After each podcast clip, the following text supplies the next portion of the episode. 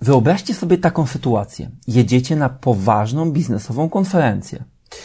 I tam jeden z prelegentów wychodzi na środek i mówi tak. Narysujcie kota. Serio, kota. Normalnie weźcie długopis, kartkę papieru i narysujcie kota.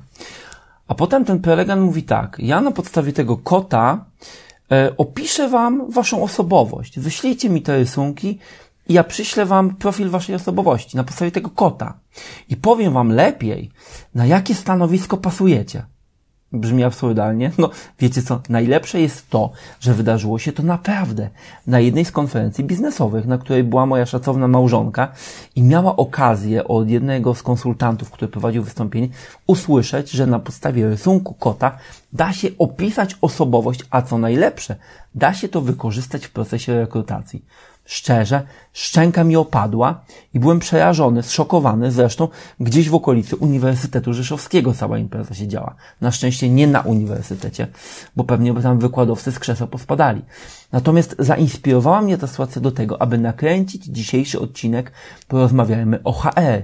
Pierwszy odcinek skierowany wprost do serc, umysłów rekruterów, bo będzie dzisiaj o tym, w jaki sposób dobierać narzędzia czy metody selekcji w oparciu o wyniki badań naukowych, po to, aby wybrać najlepsze narzędzia selekcji.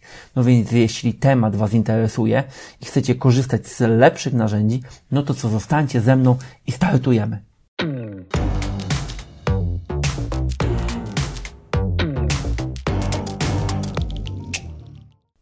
Jeśli historia interesuje Was dalej, to niestety zasmucę Was. Interpretacja kota nie dotarła do mojej żony, a ja biedny, y, no muszę starać się z nią komunikować na podstawie mojej wiedzy, intuicji i naszej znajomości i uprzejmości wobec siebie. Nie mam do pomocy naukowej analizy kota, który miał świadczyć o jej osobowości. No ale cóż, moi drodzy, odpuszczając tą anegdotę, która niestety jest prawdziwa, chciałbym się skupić na tym, no właśnie, jakich narzędzi używać do selekcji kandydatów bo urosło wokół tego sporo mitów moim zdaniem, ale z drugiej strony mamy świetne badania, które pokazują, czy świetne metaanalizy, które pokazują, no właśnie, jakie metody selekcji się sprawdzają. Natomiast zanim Wam o tym opowiem, to chciałbym Wam opowiedzieć o tym, no właśnie, mm, co jest kluczowe, żeby poznać, czy metoda selekcji ma sens, czy nie. E, w języku takim czy żargonie badawczym używamy takiego pojęcia, które nazywa się trafnością prognostyczną. I trafność pro prognostyczna metody selekcji to jest nic innego jak wyrażenie jakąś liczbą, najczęściej jest to w praktyce współczynnik korelacji, związku pomiędzy wynikami kogoś w metodzie selekcji, a wynikami, jakie uzyskuje w środowisku pracy. No i jeśli ten związek e, wynosi 1, czyli współczynnik korelacji czy trafności prognostycznej wynosi 1, no to znaczy, że jakieś narzędzie idealnie przewiduje wyniki w pracy. Oczywiście takich narzędzi nie ma, natomiast z drugiej strony spektrum, jeśli ten wynik wynosi 0, no to znaczy to co?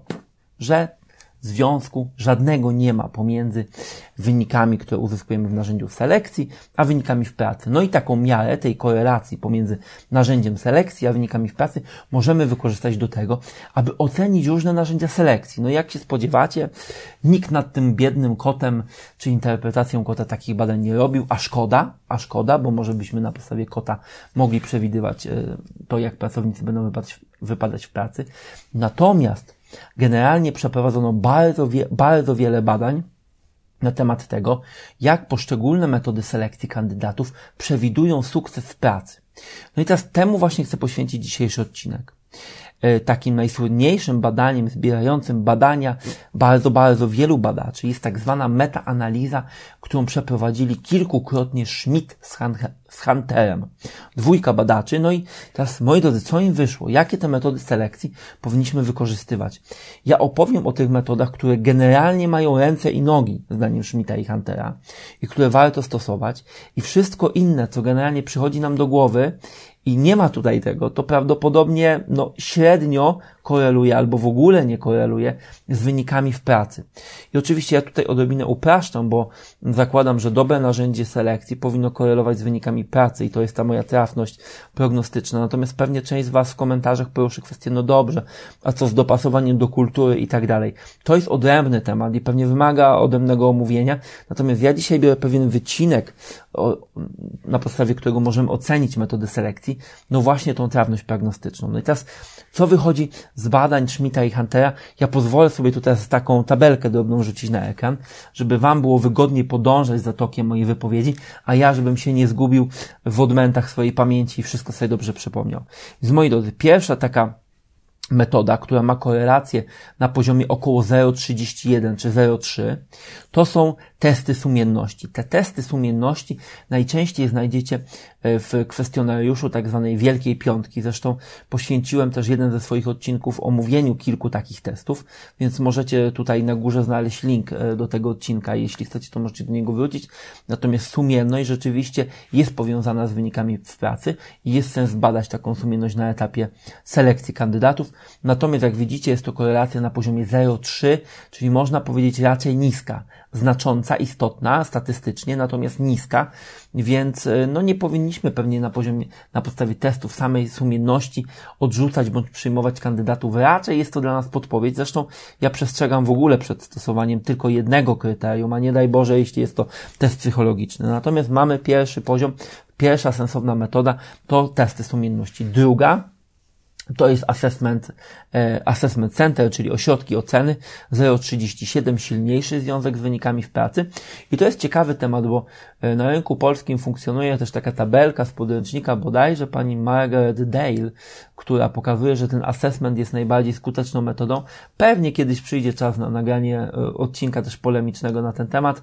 Natomiast z tego, co pamiętam, tam w części tych badań również w assessmencie były użyte inne metody i pewnie z tego to wynika. Natomiast E, wrócimy do tego innym razem, ale tutaj warto też zwrócić uwagę na to, że w metaanalizie Schmidta i Huntera te ośrodki oceny są metodą, której rzeczywiście warto używać.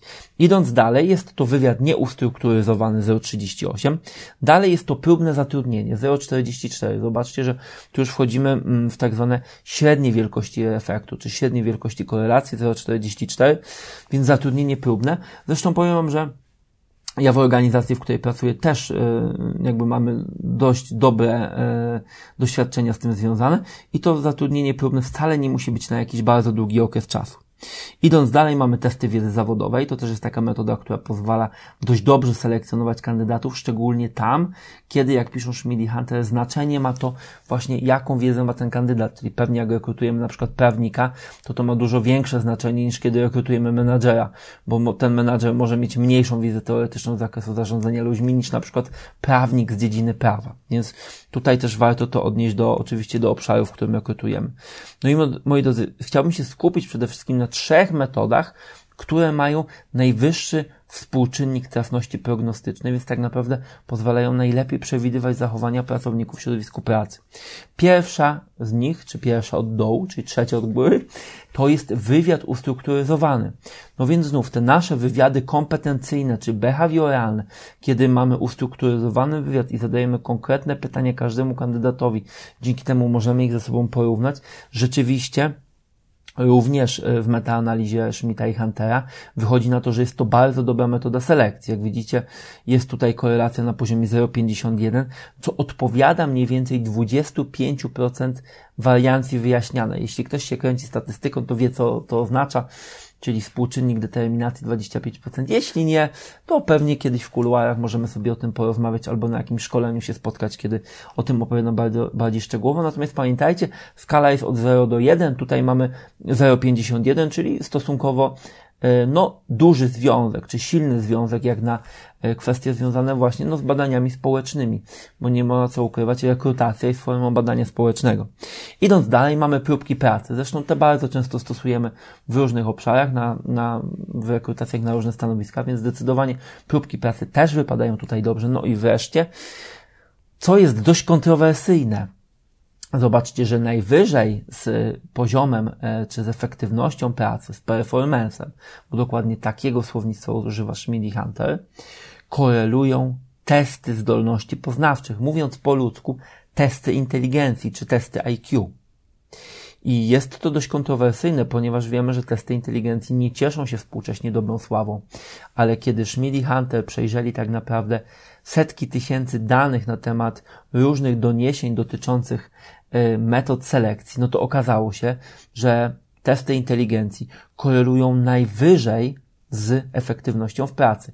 Od 0,51 do 0,84 i nie chcę tu się wdawać w szczegóły, dlaczego od do, ponieważ używali tutaj różnych metod wyznaczania przedziałów ufności w ramach wokół, jakby wokół współczynnika korelacji, stąd różne wyniki, które tutaj uzyskali.